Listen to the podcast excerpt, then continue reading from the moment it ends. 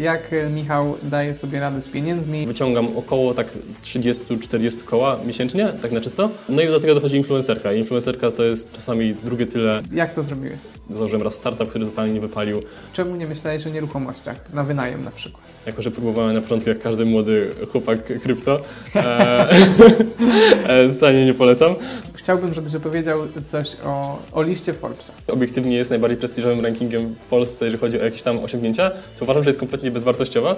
Jak można skończyć szkołę i poświęcić na to trzy razy mniej czasu niż, e, niż normalnie? Chcę robić inne rzeczy, takie bardziej ambitne. Spotkałem się z, takim, z taką opinią, że kiedy studiuje się medycynę, ze wszystkiego trzeba zrezygnować. To rzeczywiście jest prawda z tym, co mówisz. Biorąc pod uwagę też to, ile już w tym momencie zarabiasz, no, czemu ciągniesz medycynę? Jasne. E, chyba kwestia, kwestia jest taka, że po prostu chcę być lekarzem. Bardzo trudna odpowiedź, ja wiem, ja wiem, ale to nie jest taka prosta odpowiedź dla mnie. Dzisiaj mam dla Was specjalnego gościa, którym jest Michał Kuryłek i kilka słów o Michale. Skończył szkołę bez chodzenia do szkoły, e, w tym momencie studiuje medycynę, ma 230 tysięcy obserwujących na e, TikToku, a jednocześnie podbija, podbija YouTube i inne platformy. E, Jest też e, założycielem wyciskarki potencjału oraz wydawnictwa ogarnięcia, a to wszystko można podsumować tym, że dostał się na listę Forbesa. Cześć Michale. Cześć, dzięki za zaproszenie. E, Słuchaj, ostatnio na jednym ze swoich filmów em, powiedziałem coś takiego, że specjalny gość wytłumaczy moim widzom, jak można skończyć szkołę i poświęcić na to trzy razy mniej czasu niż, e, niż normalnie. Czy e, przesadziłem z tą obietnicą, czy myślisz, że to mniej więcej tak wyglądało? Nie, myślę, że to całkiem trafnie to określiłeś generalnie, tak. Okej, to opowiedz o tym, jak to wyglądało u Ciebie, jak, w jaki sposób skończyłeś szkołę, nie chodząc do niej i to jeszcze z takimi świetnymi wynikami, żeby e, no, móc dostać się na medycynę, co nie jest takie proste. Em, Kluczem jest edukacja domowa, e, czyli idea taka, że nie chodzisz do szkoły, tylko masz szkołę w domu. Piszesz raz w roku egzaminy końcowe z każdego przedmiotu i na tym polega zaliczanie roku. E, To jest dla każdego, to jest w pełni darmowe, nie trzeba żadnych kryteriów spełniać, po prostu się zapisujesz do odpowiednich szkół, na przykład do szkoły w chmurze, ja byłem w szkołach Benedykta. A jak już to zrobisz, to generalnie nie masz nauczycieli, nie masz lekcji, nie masz sprawdzianów, nie masz kartkówek, prac domowych. Po prostu ten jeden egzamin w roku, a resztę robisz to chcesz tak naprawdę. Idea jest taka, żeby się przygotować do tych egzaminów i przygotować się do matury lub egzaminu ósmoklasisty. No i tyle. E, A to, co ja jeszcze zrobiłem, co mi dodatkowo umożliwiło przeskoczenie klasy w tym, w tym samym czasie, to było em, jeszcze indywidualny tok nauczania dodatkowo, bo edukacja domowa i indywidualny tok brzmi trochę podobnie, ale są dwie różne rzeczy. A indywidualny tok polega na tym, że e, nie dość, że jakby masz na edukacji domowej e, duży, duży luz, to tutaj jeszcze w indywidualnym toku możesz jakby zrobić sobie taki miszmasz, że na przykład masz takie i takie przedmioty w drugiej klasie liceum, a w pierwszej, tak, masz, w pierwszej masz takie i na przykład stwierdzisz sobie, że chcesz zrobić sobie przedmioty z drugiej klasy liceum i indywidualny tok ci na to pozwala. E, Możesz zrobić indywidualny tok normalnie też w każdej szkole i tutaj jest potrzebna zgoda psychologa i to jest jakby, połączyłem to, zrobiłem takie combo i to mi dało właśnie taką przestrzeń, żeby przeskoczyć klasę i nie chodzić do szkoły i zrobić olimpiadę biologiczną, bo też jakby jak masz więcej czasu wolnego, to też to zaczynasz sobie kminić, co by tu jeszcze dorzucić i, i, wyszło jeszcze, że olimpiadę zrobiłem. Ciekawe, ciekawe. E, Jak myślisz, czy ciężko było się przygotować do, e, do tej olimpiady? Bo wiem, że dużo osób e, startuje, ale z różnymi sukcesami. E, I jednocześnie, jakie, e, jak to zrobiłeś, że byłeś w stanie samemu, bez sprawdzianów, bez jakichś kartkówek i takiej, takiego naciskania z zewnątrz na naukę, to wszystko ogarnąć? E, Olimpiada jest trudna. To jest jakby nie będę owijał bawełnę, że to jest jakaś prosta rzecz, ale jest do zrobienia, zwłaszcza jeżeli właśnie masz dużo, dużo czasu wolnego, bo nie masz żadnego problemu z tym, żeby po prostu parę miesięcy stricte tylko i wyłącznie na jeden przedmiot, u mnie na biologię poświęcić. E, No i jak już masz taką przestrzeń, żeby rzeczywiście ten czas poświęcić, no to naprawdę ciężko jest nic nie osiągnąć, jeżeli naprawdę rzeczywiście się postarasz, nie? E, A drugie pytanie pytałeś o to... e, Jak, w jaki sposób bez takiej motywacji zewnętrznej miałeś takie samo zaparcie, żeby, A. żeby rzeczywiście poświęcić ten czas na naukę i Mhm. osiągnąć to? Chyba to jest kwestia e, tego, że wiesz, idea jest taka, żeby dostać się na jakieś studia, wiesz, że nikt cię nie pilnuje, to e, no właśnie masz jakby dwie różne ścieżki, które możesz pójść. Albo stwierdzisz, że jesteś totalnie zestresowany, nie wiesz co zrobić i e, no, na edukacji domowej nie masz nauczycieli. To jest taki, to jest coś, taki stresor troszeczkę, no bo jednak masz maturę, musisz się do niej przygotować, a mm, nikt ci nie powie, jak to zrobić. I zwykle na początku jest stres, a potem stwierdzasz, że okej, no to po prostu ja to muszę sam ogarnąć, muszę jakoś rozplanować. No i to super działa. No i też potem taka umiejętność jakby wiesz, planowania sobie samemu i potem jakby realizacji takiego swojego działania niezależnie od jakiejś zewnętrznej motywacji jest super przydatna na studiach, w życiu, bo nie musisz mieć kogoś, kto się wiesz, biczuje i, i każe ci robić rzeczy. No tak, y, widzę w jaki sposób to może być rzeczywiście przydatne. Powiedz mi, czy zacząłeś edukację domową y, w szkole średniej, czy wcześniej też y, byłeś w tym toku nauczania? Mm, Byłem w szóstej klasie podstawówki jeszcze, e, tak w sumie dla, dla testu. Potem w gimnazjum byłem normalnie i potem w liceum stwierdziłem, że kurde, ta edukacja domowa to była zajebista, muszę na nią, wrócić. E, No i wróciłem. Jasne, jasne. Skąd w ogóle się dowiedziałeś, że są takie możliwości? Bo ja przyznam się szczerze, że e, w moim technikum, licząc jeszcze dojazdy i różne prace, które nam tam e, zmuszali nas do tego, żeby je robić, a które nie miały dużo przełożenia na, na rzeczywistą wiedzę czy umiejętności, które zdobywamy, no zmarnowałem naprawdę masę czasu i nie wiedziałem, że są takie w ogóle e, wyjścia jak to. Skąd, skąd się o tym dowiedziałeś? E, To jest ciekawa historia, e, kompletnie myślę, dziw- dziwnie to zabrzmi, ale związana z religią. W sensie ja teraz nie jestem religijny, nie wierzący w żaden sposób, ale pochodzę z protestanckiej rodziny, czyli takiej odłamu chrześcijaństwa. E, I z jakiegoś powodu bardzo popularna jest wśród protestantów edukacja domowa. Dużo osób o tym wie i gdzieś tam po prostu powszechnie jest to taka e, naturalna ścieżka, że ktoś idzie na edukację domową, więc gdzieś tam jakby i moi rodzice o tym wiedzieli, i ja o tym wiedziałem i gdzieś tam jakby wykorzystałem tą wiedzę, fakt, że o tym wiem. Jasne, jasne. Ma, ma to sens. No, fajnie rzeczywiście, że udało Ci się na to, e, na to trafić. E, powiedz mi w takim razie, jakie, bo rozumiem, że studiujesz już normalnie, nie na edukacji domowej. Niestety. Tak, Niestety. jak, jak oceniasz to przejście z edukacji domowej do takiej bardziej formalnej edukacji na studiach? Em, można to podzielić na takie w sumie dwa, dwie różne ważne obszary. Pierwszy taki społeczny, a drugi taki organizacyjny. E, Z kwestii organizacyjnych, po pierwsze wstawanie rano to jest problem e, czasami. E, Już teraz jest okej, ale, ale był problem. Em, No i kwestia jest taka, że czujesz, że masz mniej wolności, co nie? Idziesz na studia, więc jesteś już jakby teoretycznie na bardziej zaawansowanym etapie edukacji, gdzie powinieneś mieć więcej przestrzeni dla samego siebie, tak żeby samemu decydować o swoim życiu i wolności. A prawda jest taka, że w porównaniu z tym, co miałeś na edukacji domowej w liceum, to po prostu trochę się cofasz, co nie? Trochę masz jakby znowu tych ludzi, którzy nad tobą się coś każą robić. E, więc to jest taki no minus plus, w sensie plus, no bo jakby przynajmniej doświadczyłeś tego już kiedyś, że masz czas dla siebie i możliwość organizacji swojego czasu. A druga rzecz taka społeczna, to jest, e, był trochę taki szok, wiesz, jakby nie spodziewałem się tego, ale, ale był rzeczywiście e, przez pierwsze parę miesięcy po powrocie na studia normalne masz coś takiego, że takich taki ma- takie małe niuanse, co nie? W, w, rozmowie z ludźmi, e, jakieś takie konteksty różne, których nie masz, e, wiesz, jakieś, jakieś takie nawiązania do czegoś, niektóre rzeczy po prostu nie wyłapiesz. To jest normalne, że, że gdzieś tam jakby niektórych doświadczeń z liceum nie masz, e, więc też niektórych rzeczy nie wyłapiesz, ale to się jakby szybko zeruje i już potem nie ma problemu. No tak, co, coś zacząć e, zdecydowanie, natomiast wydaje mi się, że tutaj te benefity no, mocno przewyższają nawet jakieś tam e, niezłapanie jakichś kontekstów i tak dalej. A powiedz mi w takim razie, dla kogo myślisz, że jest edukacja domowa, kto warto, żeby się tym tematem zainteresował, a kto jednak powinien się trzymać z daleka i, i e, trzymać e, tradycyjnej szkoły, o ile w ogóle takie osoby są. Myślę, że nie chcę powiedzieć, że dla każdego, ale po prostu jest tylko jedno moim zdaniem przeciwwskazanie. Jakby jeżeli czujesz, że by cię super stresowało organizowanie sobie nauki samemu, to wtedy możesz się zastanowić dwa razy. Bo, no bo prawda jest taka, że właśnie wszystko zależy od ciebie tak naprawdę. Chyba, że masz korepetycję i masz nauczycieli takich, których sobie za sobie płacisz, to jest ok, jak masz taką opcję, to super, ale e, sporo osób jednak organizuje, organizuje naukę samemu, przygotowanie do matury i jeżeli czujesz, że to by Cię bardzo stresowało i wolisz jakby już chodzić do normalnej szkoły, ale mieć to gdzieś tam jakby załatwione z góry, to spoko, to wtedy rzeczywiście możesz na edukację domową nie iść, ale poza tym uważam, że generalnie edukacja domowa jest dla każdego, dlatego że po prostu daje Ci przestrzeń na realizację swoich celów, co nie? Jeżeli nie masz celów, to na pewno znajdziesz je na edukacji domowej, masz za dużo wolnego czasu, żeby ich nie mieć. Jasne, jasne. No chyba, że ktoś miałby zamiar zapisać się na, na edukację domową, później tylko ciąć w gierki na przykład, czy coś takiego. To Też fajna pewnie- pasja, nie? No, w zasadzie tak. Teraz w- we sporcie też można całkiem nieźle zarobić, więc w sumie, e, w sumie tak. Dobra, zostawiając temat edukacji domowej, chciałem, chciałbym, żebyś opowiedział coś o, o liście Forbesa. Jak się na nią, jak się na niej znalazłeś? Jak, jak na nią trafiłeś? E, kontrowersyjny temat, bo nagrywam o tym filmik ostatnio e, właśnie u siebie na kanale.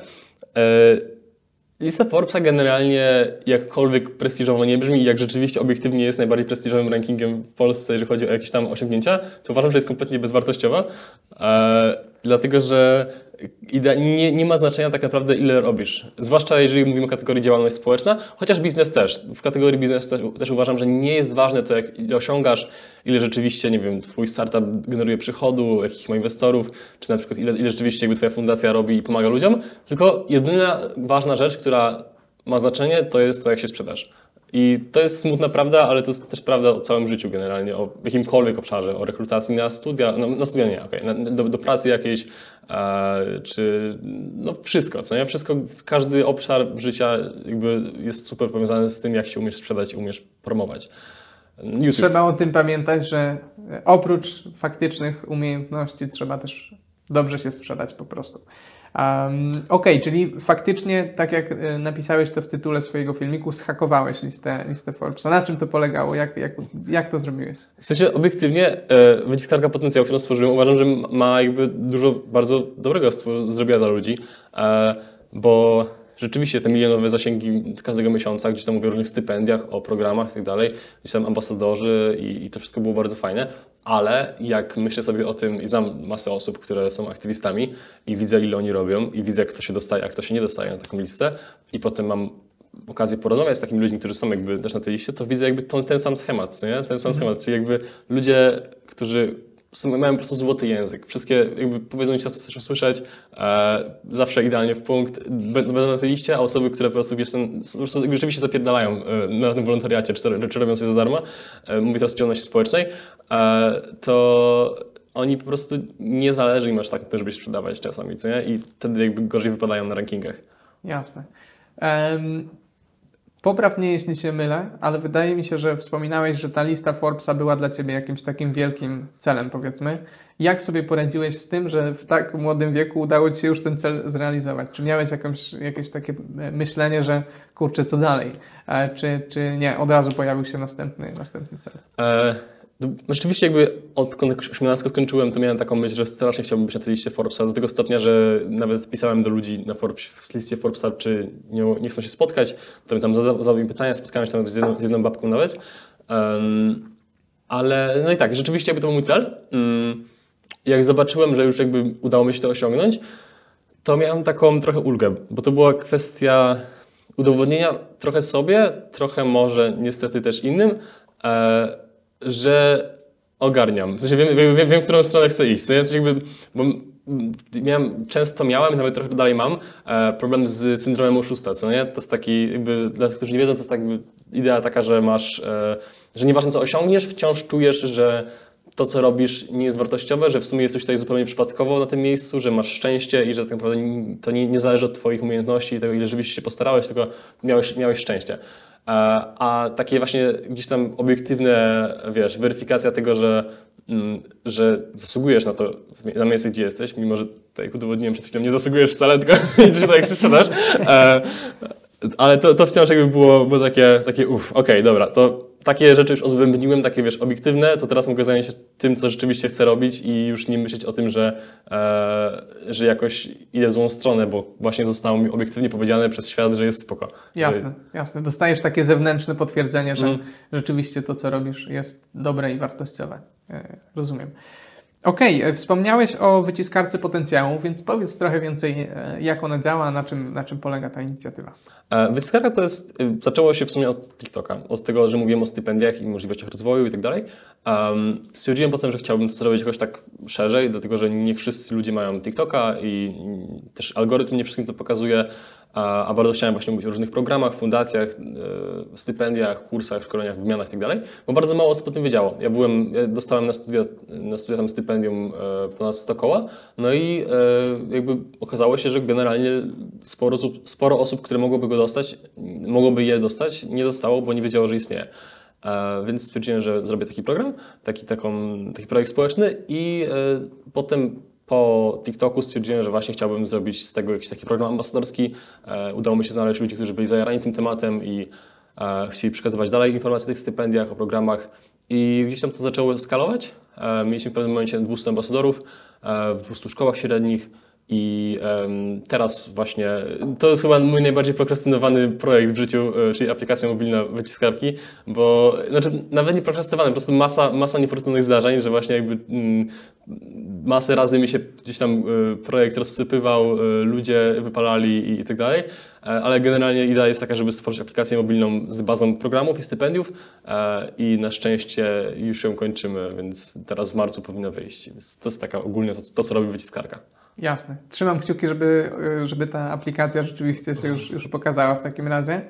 Um, powiedziałeś mi o bardzo wielu rzeczach już. Powiedziałeś o TikToku, o wyciskarce, e, o y, tych studiach na medycynie, więc jak to wszystko łączysz? Bo spotkałem się z, takim, z taką opinią, że kiedy studiuje się medycynę, to już w zasadzie ze wszystkiego trzeba zrezygnować. Życie prywatne nie ma szans, jakaś praca inna nie ma szans. Po prostu studiujesz medycynę i koniec.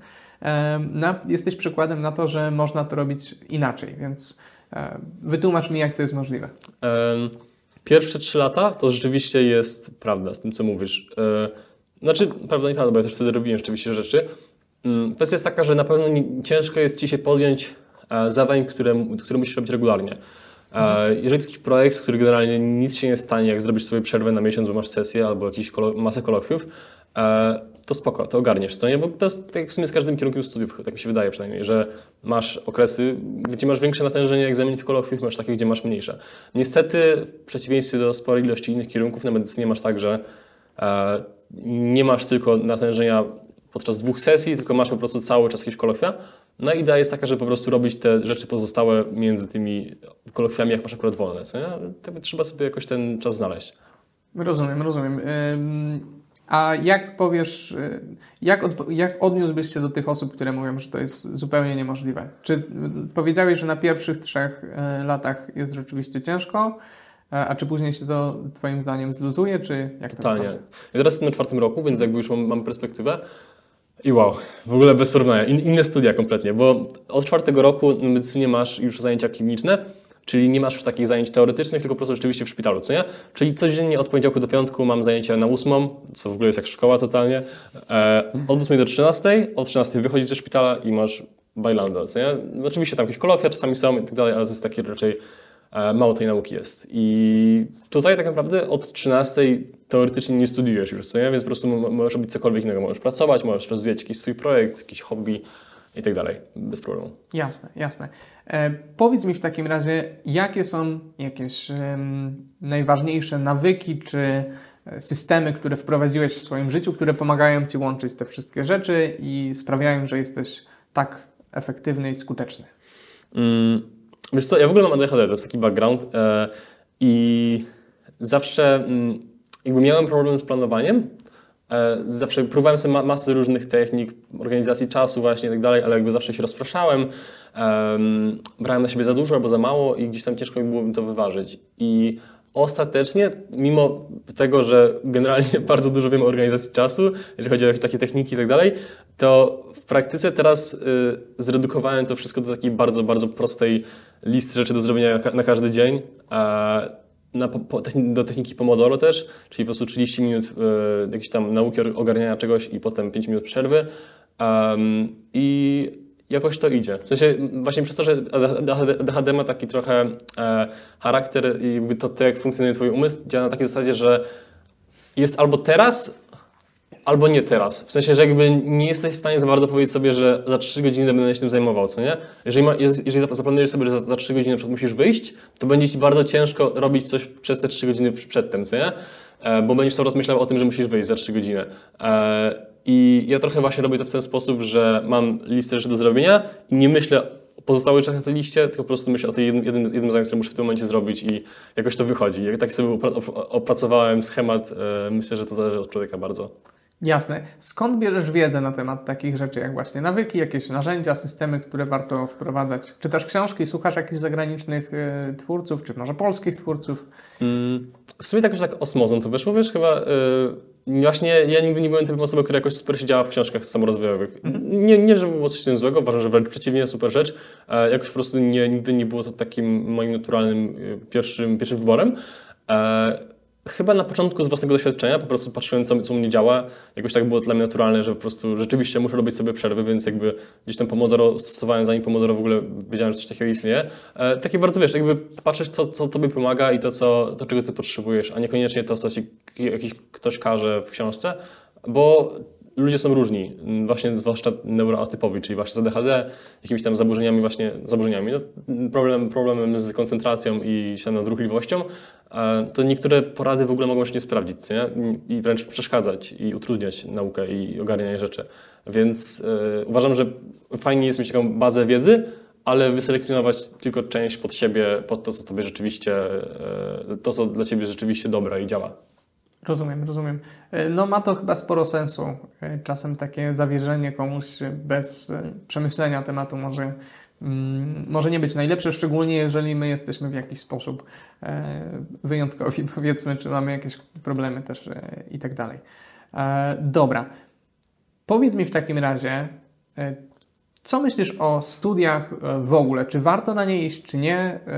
No ty poszedłeś na medycynę, ale jednocześnie to jest trochę specyficzny kierunek pod takim względem, że e, no w zasadzie gwarantuje dobrze płatną pracę po tym, jak, jak pójdziemy na te studia, ale e, jak myślisz, tak e, patrząc na, na studia szerzej, czy warto na nie iść, czy nie w XXI wieku?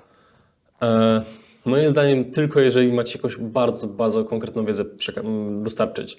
Czyli jeżeli powiedzmy chcesz nauczyć się biotechnologii, tak, to żeby być biotechnologiem, nawet, nawet jeżeli nie chcesz pracować jako biotechnolog, tylko powiedzmy chcesz założyć startup biotechnologiczny, to musisz zdobyć tą wiedzę, bo po prostu ci się przyda, co nie? Więc uważam, że jakby nie ma nic złego w studiach, ale to nie jest zdecydowanie coś, co jest naturalnym procesem, że po liceum idziesz na studia. To jest po prostu totalnie powinna być taka sama decyzja, jak podjęcie jakiegoś kursu do szkolenia dodatkowego, co nie? Po prostu, że chcesz zdobyć jakąś wiedzę i tylko po to idziesz. Papierek w tym momencie nie ma żadnego znaczenia i jakoś tak ludzie mimo wszystko idą na te studia, mimo że sporo osób jest świadomych tego, że ten papierek nie ma znaczenia, myśli sobie, że no dobra, no teraz nie ma, może będzie miał. Jakby ja jestem w stanie zagwarantować, że po prostu nigdy nie będzie miał już znaczenia ten papierek, jeżeli rzeczywiście nie dostarczy jakiejś wartości i takiej praktycznej wiedzy. Zgadzam się. Mi się wydaje, że, y, że ten papierek będzie miał coraz mniej znaczenia w, w dzisiejszym świecie e, i z każdym rokiem będzie po prostu tracił na wartości mm. tak naprawdę. E, więc inwestowanie swojego czasu w studia no, może nie być zawsze najlepszym e, pomysłem. A co powiesz takim osobom, które e, po prostu nie mają w sobie tego ognia, żeby robić coś? Bardzo jest im ciężko się zabrać za coś, nie mają jakichś wielkich planów, celów, ambicji i tak jak wspominałem na początku, no, albo lubią sobie pograć w gry, ale nie w jakiś sposób, który ich e, super rozwinie, po prostu to lubią, albo posiedzieć na Netflixie i tak naprawdę źle się czują sami ze sobą z tym, że nie robią czegoś więcej. E, co, co byś powiedział dla takich osób? Myślisz, że one powinny e, jakby zaakceptować to, jakie są, czy może powinny się zmienić? Jak myślisz? Nie, zdecydowanie nie akceptować, bo jeżeli, właśnie najważniejszy był ten element, co powiedziałeś, że nie podoba mi się ten, ten status quo, nie? no bo jeżeli komuś to odpowiada, to nie ma z tym żadnego problemu, to nie jest żaden wyścig i jak ktoś chce sobie gier stać, to, to spoko, to ważne jest żeby był szczęśliwy, ale e, jeżeli ktoś rzeczywiście komuś nie przeszkadza, to właśnie trudne to jest, bo tu dużo zależy od takich rzeczy, jak psychoterapia też się przyda, nie? E, być może jakieś kwestia nawyków, kwestia jakichś tam, wiesz, e, ciągów myślowych, takie myśli o sobie, w które wpadasz, jakaś niska, niska samoocena, to wszystko może mieć znaczenie, ale taka rzecz, którą powiedzmy sam sobie możesz ogarnąć, moim zdaniem, to są e, nawyki po prostu. Jakby jak zbudujesz sobie takie nawyki, polecam w ogóle ten e, Atomowe Nawyki, taką książkę, też są, jest, jest taki audiobook też skrócony, jakby streszczenie tego, zajmuje 57 minut. Dzięki. I o, chodzi o to, żeby po prostu stworzyć sobie jakby taką pewną wizję siebie, e, ustalasz sobie takie bardzo banalne rzeczy, takie wiesz, takie, które każdy taki coach ci powie na YouTubie, yy, mówi, że tam wstawaj, wstawaj wcześniej rano, jedz zdrowo, zacznij ćwiczyć. Okej, okay, to są banały totalne, ale niestety, stety, niestety w sumie, no bo to zajebiście działa po prostu, co nie? Takie proste rzeczy, ale one po prostu totalnie zmieniają jakby twój, e, twoje myślenie o samym sobie, bo jakby myślisz sobie wtedy, że okej, okay, jestem w stanie nareszcie, kurde, parę dni pod rząd ćwiczyć, co nie? Jestem jednak e, w jakiś sposób, czuję się wreszcie wartościowy, tak? Bo, bo czuję, czuję czujesz jakby, że mamy jakąś tam dyscyplinę i to jest fajne. I wtedy jakby, jak masz, jakby już działasz na takim jakby, na takiej motywacji, że widzisz, że jakby rzeczywiście masz efekty, takich banalnych rzeczy, które jakby nie jest tak ciężko zacząć robić, no to wtedy jakby też ci chce robić inne rzeczy, takie bardziej ambitne, jakieś, jakieś cele sobie ustawiać, bo nie masz już uczucia, że e, ich nie osiągniesz, co nie? Bo myślisz sobie, jakbyś tak miał od zera, powiedzmy, nagle stwierdzić, że e, chcesz, nie wiem, właśnie jakiś startup swój założyć, czy firmę, no to myślisz sobie, że no jak ja mam to zrobić, jak ja nawet, wiesz, parę dni pod nie jestem w stanie ćwiczyć. E, więc uważam, że takie właśnie nawyki to jest super, super początek. Ja, ja się z tym w pełni zgadzam. Wydaje się może na pierwszy rzut oka, e, że no, one nie są takie istotne, bo nie przekładają się bezpośrednio na jakieś poprawienie naszej sytuacji życiowej, powiedzmy. E, od tego, że chodzimy na siłownię, no, nic takiego wielkiego się nie zmienia e, na pierwszy rzut oka, ale jednocześnie zmieniają to, jak się czujemy i, i dodają nam, na, na, dodają nam energii i sprawiają, że robienie innych rzeczy będzie później prostsze, więc mi się wydaje, że te podstawowe rzeczy też są bardzo ważne. Mimo, że teraz y, dużo się mówi o tym, żeby e, właśnie skupić się na przykład na pracy, karierze i tak dalej e, i nie przejmować się aż tak bardzo tymi e, rzeczami jak ćwiczenie i, mm. i tym podobne, tak, takie podstawy, jakaś medytacja na przykład, e, ale no, mi się wydaje, że jednak to ma swoje miejsce. Totalnie, nawet tak medycznie patrząc, nie? E, ok, zaoszczędzisz sobie parę, nie wiem, 30 minut w ciągu dnia, jak nie będziesz ćwiczyć, ale po prostu będziesz krócej żył, szybciej umrzesz, po prostu jakby prosta, prosta, prosta piłka, tak? Masz miażdżycę, będziesz miał naciśnienie, będziesz miał e, cukrzycę pewnie też na starość. Jakby ćwiczenie jest tak zajebiście ważne. Nie, nie chodzi nawet o to, żeby, wiesz, żeby rozwijać jakieś mięśnie. Chodzi po prostu o to, żeby pobudzić sobie tętno, żeby sobie trochę, wiesz, te blaszki miażdżycowe, które ci tam tworzą w, w tętnicach, w naczyniach, żeby je, żeby je rozwalić. Eee, I o to chodzi, co nie? Też jakby w ogóle ćwiczenie e, jest super ważne pod tym względem, że znacznie potem masz więcej energii przez cały dzień. Dokładnie. E, jaka jest w takim razie ćwiczeniowa rutyna Michała? E, ja w ogóle, jakby ja y, skończyłem, biegałem maratony i triatlony e, przez, w 21 roku głównie e, i rzeczywiście jakby tam brałem udział w maratonach, takim triatlonie olimpijskim, pod Ironmana się przygotowywałem, nie wiem czy kojarzysz Ironmana. Kojarzę. To jest właśnie, triatlon polega w ogóle na tym, że właśnie masz, masz rower, masz, znaczy na początku masz pływanie, potem masz rower, potem masz bieganie, więc u mnie bardzo dużym elementem zawsze był rower i bieganie i w sumie dla mnie to jest tak jakby naturalne właśnie tak wiesz, trzy razy w tygodniu po prostu pobiegać sobie przez pół godziny. To nie jest coś, co jakoś dużo, dużo zżera czasu, to jest po prostu coś, co fajnie e, trochę ci też oczyszcza, oczyszcza ci umysł, ja tak na to patrzę w sumie, taką medytację trochę, bo jak biegasz bez, bez zwłaszcza bez muzyki, tylko jakby wiesz, trochę tak biegasz i, i bieganie jest na tyle jakby takim powtarzalnym zajęciem, że nie musisz za bardzo o tym myśleć, e, to e, chyba, że musisz. e, to, to możesz się rzeczywiście zagłębić w swoje myśli. To bardzo fajnie pomaga tak sobie to wszystko przeanalizować. Zgadzam się. Ja też dużo fajnych pomysłów mi wpada właśnie jak, jak biegam, więc y, zgadzam się z tym w 100%. Um, Okej, okay. omówiliśmy dosyć fajnie temat y, jak gdyby ogarnięcia się powiedzmy. E, no więc teraz porozmawiajmy o pieniądzach. E, jak, jak Michał daje sobie radę z pieniędzmi? Jak inwestujesz? Jak oszczędzasz? E, mhm. Jakie masz podejście do tego? Ja w ogóle jakby nie, ja nie mam problemu z mówieniem o pieniądzach. Miałem na przykład taki dylemat, jak pierwszy raz zacząłem o tym mówić. Ale stwierdziłem, że jeżeli zawsze robię coś w internecie i ludzie gdzieś tam chcą mnie słuchać, to muszę mówić o tym, ile zarabiam na przykład, tak? bo inaczej to będzie strasznie, strasznie nieobiektywne. Ja prowadzę wydawnictwo e, i z samego wydawnictwa wyciągam około tak 30-40 koła miesięcznie, tak na czysto. E, no i do tego dochodzi influencerka. Influencerka to jest, y, różnie to bywa, czasami drugie tyle, e, czasami połowa tego. Raczej wydawnictwo to jest główny taki, główny main, taki stream. I co? No i idea jest, to wszystko tego, to nie jest, y, wiesz, sukces, który się osiąga tam po, w jedną noc, to po prostu było dwa lata rzeczywiście próbowania i prób i błędów. Ja założyłem raz startup, który totalnie nie wypalił. Potem wywaliłem całą swoją kasę na jakąś apkę inną w ogóle niż wyciskarka, też, też nic nie wypaliło. E, więc jakby to trochę było takie próbowanie. Um, i, I wreszcie gdzieś tam jakby to zaczyna, zaczyna fajnie stykać, bo nauczyłem się marketingu, co jest super w ogóle faj, fajną umiejętnością. Um, no i co? Generalnie potem y, pytanie właśnie drugie, jak, jak to inwestować. I ja nie jestem żadnym doradcą, ale takie moje, moje własne refleksje, jako że próbowałem na początku jak każdy młody chłopak krypto. E, e, totalnie nie polecam. To potem, potem z kolei przeniosłem się na coś takiego jak jakieś tam właśnie akcje spółek E, potem na złoto przez jakiś czas się miałem, miałem byłem mega zafiksowa- zafiksowany na złocie fizycznym, wiesz? Jakby kupiłem, chodziłem, kupowałem, kupowałem, kupowałem sztabki złota fizyczne. Mega mi się po prostu podobało, bo ja w ogóle przyszedłem na minimalizm pół roku temu jakoś. Mam jakby cały swój dobytek, jestem w stanie nie mam tej swojej, swojego plecaka. Mam plecak i walizkę, jakby cały swój dobytek, który posiadam, jestem w stanie w to, w to zmieścić. I nie kupowałem rzeczy. I stwierdziłem, że jakby kupowanie sztabek złota jest super fajne, bo masz je fizycznie i przy okazji mogę sobie ten, taką myśl o tym, że chcesz coś kupić, mogę sobie zadowolić właśnie kupowaniem sztabek. E, Ale potem stwierdziłem, że to nie jest super jakaś dobra inwestycja, tak obiektywnie patrząc. E, I teraz się przeniosłem na, na po prostu akcje dywidendowe takich spółek, bardzo takich utility, czyli wiesz, jakieś e, transport, transport olej, oil, Ropy. ropy, e, ro- ropy jakieś, jakieś takie rzeczy, wiesz, z tyłu związane, z nieruchomościami, takie po prostu bardzo, bardzo proste spółki amerykańskie i też e, gdzieś tam duńskie, e, które robią takie banalne rzeczy i tam dają dywidendę 3-4% i ja jestem usatysfakcjonowany z tego, no bo może to nie jest super dywidenda, ale znaczy nie jest super to zwrot z inwestycji, ale jakby mi się podoba to, że jest po prostu stabilne i takie rosnące. Tak, tak. Na pewno jest to y, dosyć bezpieczne, a jednocześnie powinno dawać jakieś fajne zwroty w długim terminie.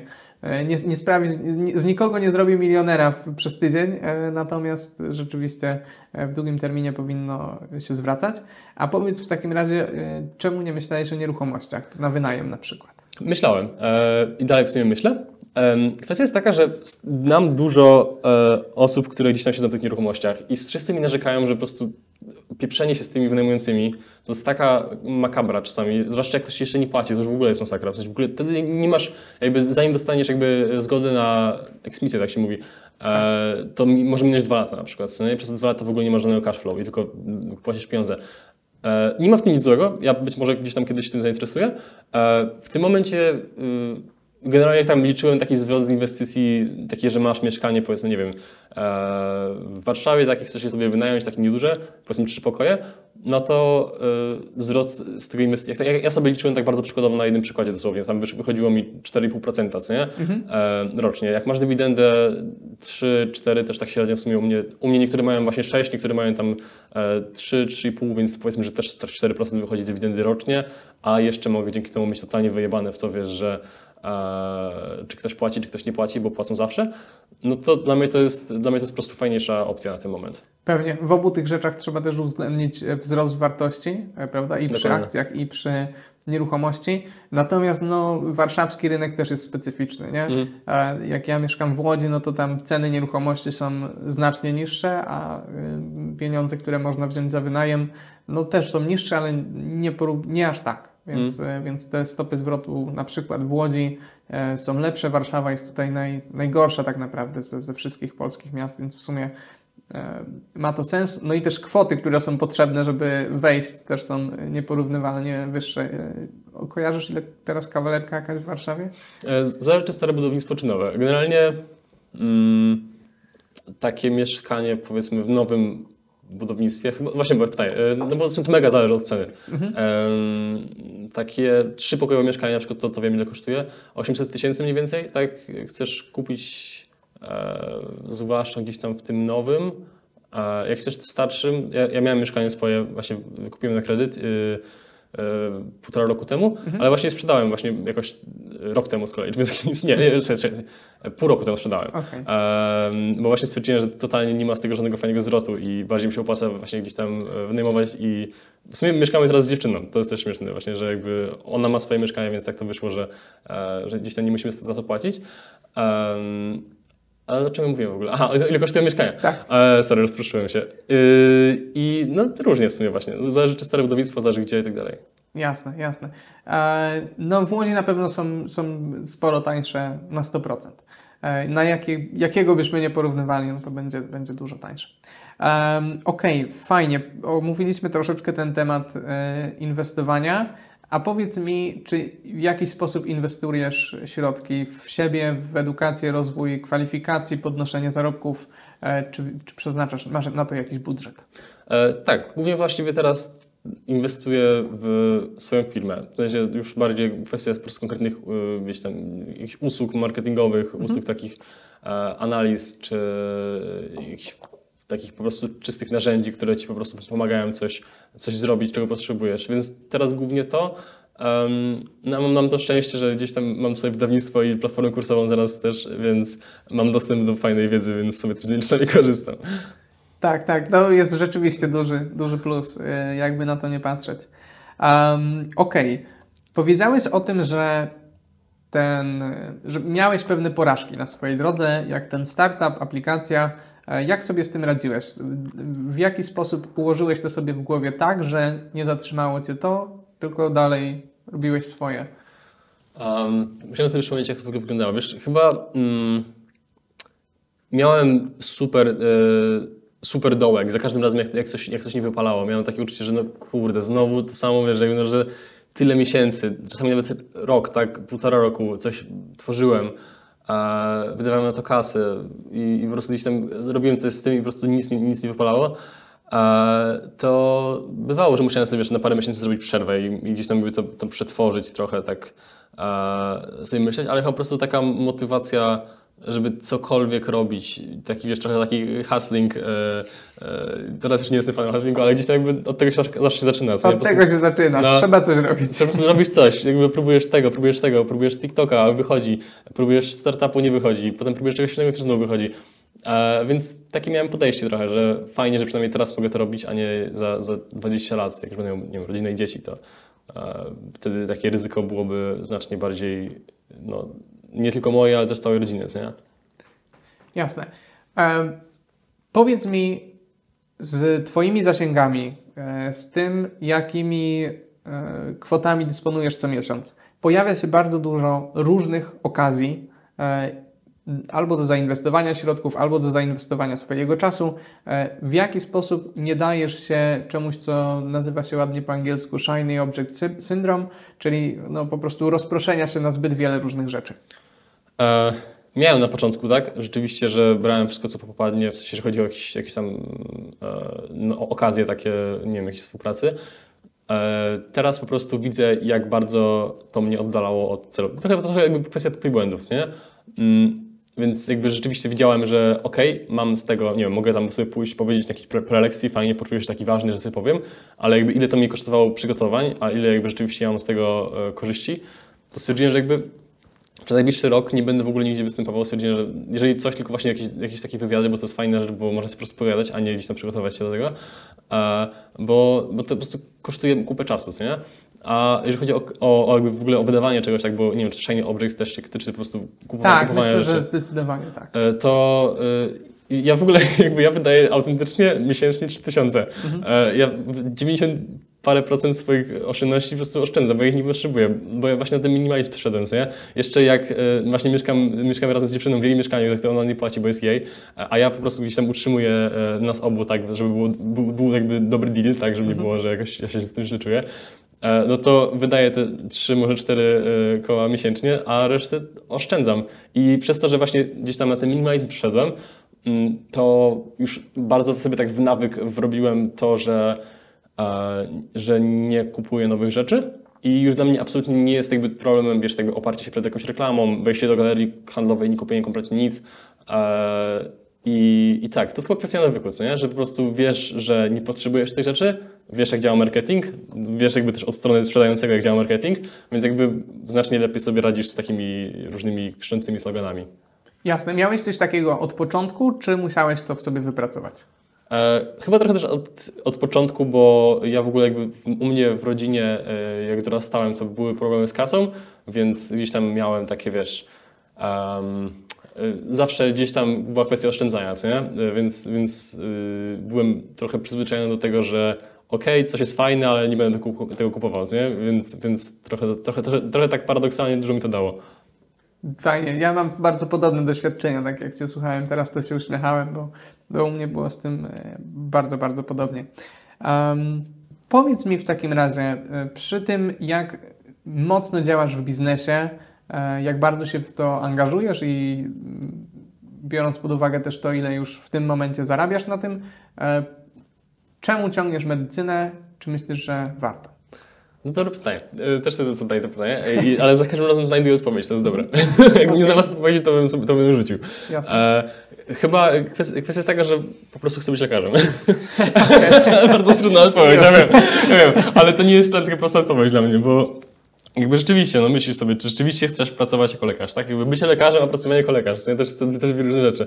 E, I uznałem, że chcę to skończyć dla samego siebie, żeby mieć takie uczucie, że jestem w stanie trochę, takie znowu udowodnienie sobie czegoś, trochę jak z tym Forbesem, ale też kwestia jest tego, że nie mam pojęcia, co będzie dla mnie ważne, jak będę miał, będę miał nie wiem, 40-50 lat, co nie? Wiem, że dla wielu osób w tym wieku już jakby priorytetem nie jest kasa, tylko priorytetem jest to, żeby e, móc robić coś wartościowego, coś, coś, żeby komuś pomóc, coś, co jakby rzeczywiście daje pozytywną zmianę na świecie. No i chcę mieć taką, jakby takiego asa w rękawie, że jestem lekarzem, więc mogę pracować jako lekarz. A więc być może będzie tak, że wiesz, że przez parę, może paręnaście lat nie będę pracował jako lekarz na początku kariery, a potem się do tego przeniosę i chcę mieć taką możliwość, że okej, okay, już mam skończone studia nie? i już nie muszę gdzieś tam wracać na ten uniwerek, uniwerek i, i a, po prostu mogę zacząć leczyć. Jasne, ma to sens. A jak myślisz, jaką rolę odgrywa w tym prestiż, który jest związany z no, zawodem lekarza, czy, czy nawet samym tytułem, ten, tym tytułem tego, że możesz powiedzieć, że jesteś lekarzem? To jest, e, to jest ciekawe właśnie, bo ja, jakby, prawda jest taka, że jak widzisz tych wszystkich lekarzy pracujących w szpitalach, i rzeczywiście widzisz jakby jak wygląda ta praca, to nie, to nie wygląda prestiżowo. coś w tym jest, coś w tym jest. Rzeczywiście jak jesteś na jakimś cocktail party i powiesz sobie przy winku, że ja jestem lekarzem, no to, to może rzeczywiście jest ten element prestiżu, który, który, który jest fajny, ale, ale to nie jest coś, o czym myślisz szczególnie, takie odnoszę wrażenie. Um, ale tak, no to jest jakaś, jakaś tam motywacja, taka wiesz, no, ta, ta, fajniejsza część, że możesz powiedzieć, że jesteś lekarzem. E, zawsze gdzieś tam obiektywnie, jak to powiesz, to też roz, w rozmówcy jakieś przynajmniej wzbudzisz, wzbudzisz szacunek, co dla kogoś może być ważne. I myślę, że nie każdy jednak chce i może być lekarzem, e, ale większość osób, powiedzmy młodszych, nie powinna mieć problemu z tym, żeby móc zacząć e, jakiś biznes. Powiedz mi, czy zgadzasz się z tym, czy nie, bo może przesadzam. Nie, no myślę, że na pewno tak, tak, zgadzam się tak, z tym. Się. Fajnie.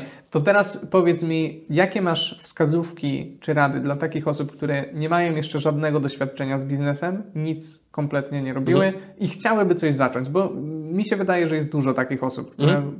no kompletnie nic, ale wiedzą, że chciałyby w tym kierunku się rozwijać. E, przed chwilą, przed wywiadem gadaliśmy o tym właśnie, jak e, jakiś koleś zaczął od robienia miniaturek. Po prostu pisał do ludzi, na, do youtuberów, że cześć, czy mogę Ci próbować miniaturki? Potem też zaczął robić, montować, zaczął robić opisy i w końcu skończyło się na tym, że założył własną agencję. I myślę, że to jest super przykład, bo właśnie założenie własnego biznesu to jest, brzmi tak strasznie enigmatycznie, ale w praktyce chodzi po prostu o to, że masz jakąś umiejętność, którą możesz komuś sprzedać, nie? I nie, to nie musi być jakieś coś super, super yy, innowacyjnego, to nie musi być jakiś startup technologiczny. Yy, tylko jeżeli rzeczywiście jakby chcesz zacząć jakiś biznes i chcesz na tym zarabiać e, i masz jakąś umiejętność, po prostu wystarczy, że nauczysz się ją sprzedawać i nauczysz się jej na tyle, że rzeczywiście jakby ktoś będzie tym zainteresowany, I można powiedzieć, że to jest zaczęcie własnego biznesu, bo potem jakby jak zaczynasz to robić, to zaczynasz być w tym coraz lepszy, możesz to jakoś rozszerzać, możesz wziąć kogoś, kto, komuś to oddelegować, kto będzie tym jeszcze zajmował razem z tobą. E, no i tak chyba generalnie uważam, powstają, powstaje większość biznesów. Oczywiście są też startupy, ktoś może wziąć sfinansowanie parę milionów i, i gdzieś tam inwestować w jakiś, jakiś rozwój R&D, E, ale to jest mniejszość, a jednak wielu osobom się tak kojarzy, co nie? Takie nasze wrażenie, że, że gdzieś tam to jest, tak, to jest to, co ludziom przychodzi na myśl, jak założyć własny biznes. Tak, założyć własny biznes, czyli założyć nowego Facebook, Facebooka, no. no a to nie, nie jest takie proste, można to tak określić. E, ja też uważam, że najlepiej jest zacząć od czegoś tak prostego jak tylko można, nauczyć się jakichś podstaw tego, że się wystawia faktury, jak to się robi, kontaktu z księgową, mm. zatrudnienia pierwszych pracowników, budowania jakiegoś zespołu e, i myślę, że do tego takie proste biznesy usługowe, e, jak te miniaturki, które, które przytoczyłeś, są jak najbardziej najlepsze. Mm. Ale powiedz mi jeszcze, bo mamy taki wybór, startując z pierwszym jakimś przedsięwzięciem biznesowym, czy działać stacjonarnie, czy działać online. Co myślisz o tym? W ogóle nie przyszło mi do głowy, że stacjonarnie działać, szczerze, okay. nie, nie, pomyślałem o tym, ale tak, no można, generalnie zależy od co chcesz robić, co nie? Jak chcesz robić miniaturki, to jasne, jak chcesz komuś kosić trawniki, to też, no to wiadomo, że stacjonarnie. Eee, więc chyba zależy, no ale generalnie takim na pewno bardziej budżetową opcją w większości przypadków jest działanie online.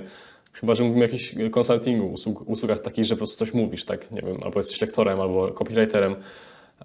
chyba, chyba turbo zależy. Myślę, że każdy, kto gdzieś tam jakby ma jakiś swój pomysł, to jest w stanie określić, czy ten pomysł jest lepszy online, czy, czy stacjonarnie. Um, Okej, to są chyba wszystkie tematy, które chciałem z tobą, z Tobą dzisiaj umówić, także bardzo dziękuję Ci, że zgodziłeś się wystąpić na kanale. Mega dziękuję za zaproszenie. Powiedz jeszcze, gdzie mogą Cię widzowie znaleźć, żeby usłyszeć więcej tego typu treści. E, Na, na YouTubie generalnie działam teraz, e, Michał Kuryłek, a- ale też jestem na TikToku, na Instagramie i bardzo zachęcam do dołączenia, mam nadzieję, że uda się umieścić w linku, link w opisie filmu, do darmowego programu doradztwa zawodowego. Jeżeli szukasz tego, co chcesz robić w życiu, ale nie do końca wiesz, e, jakie swoje ścieżki kariery, czy nawet co chcesz studiować, jeżeli chcesz studiować w ogóle, mm, to stworzyliśmy taki w 100% darmowy z masą niesamowitych przedsiębiorców, osób z listy Forbesa też, naukowców i, i no, świetnymi ludźmi, więc e, jeżeli chcesz i szukasz czegoś takiego, to zachęcam do dołączenia, bo jest za darmo. Link na pewno będzie w opisie. Zachęcam Was do sprawdzenia kanału i nie tylko, także TikToka i wszystkich innych mediów Michała. E, I co? Bardzo dziękujemy za uwagę. Dzięki.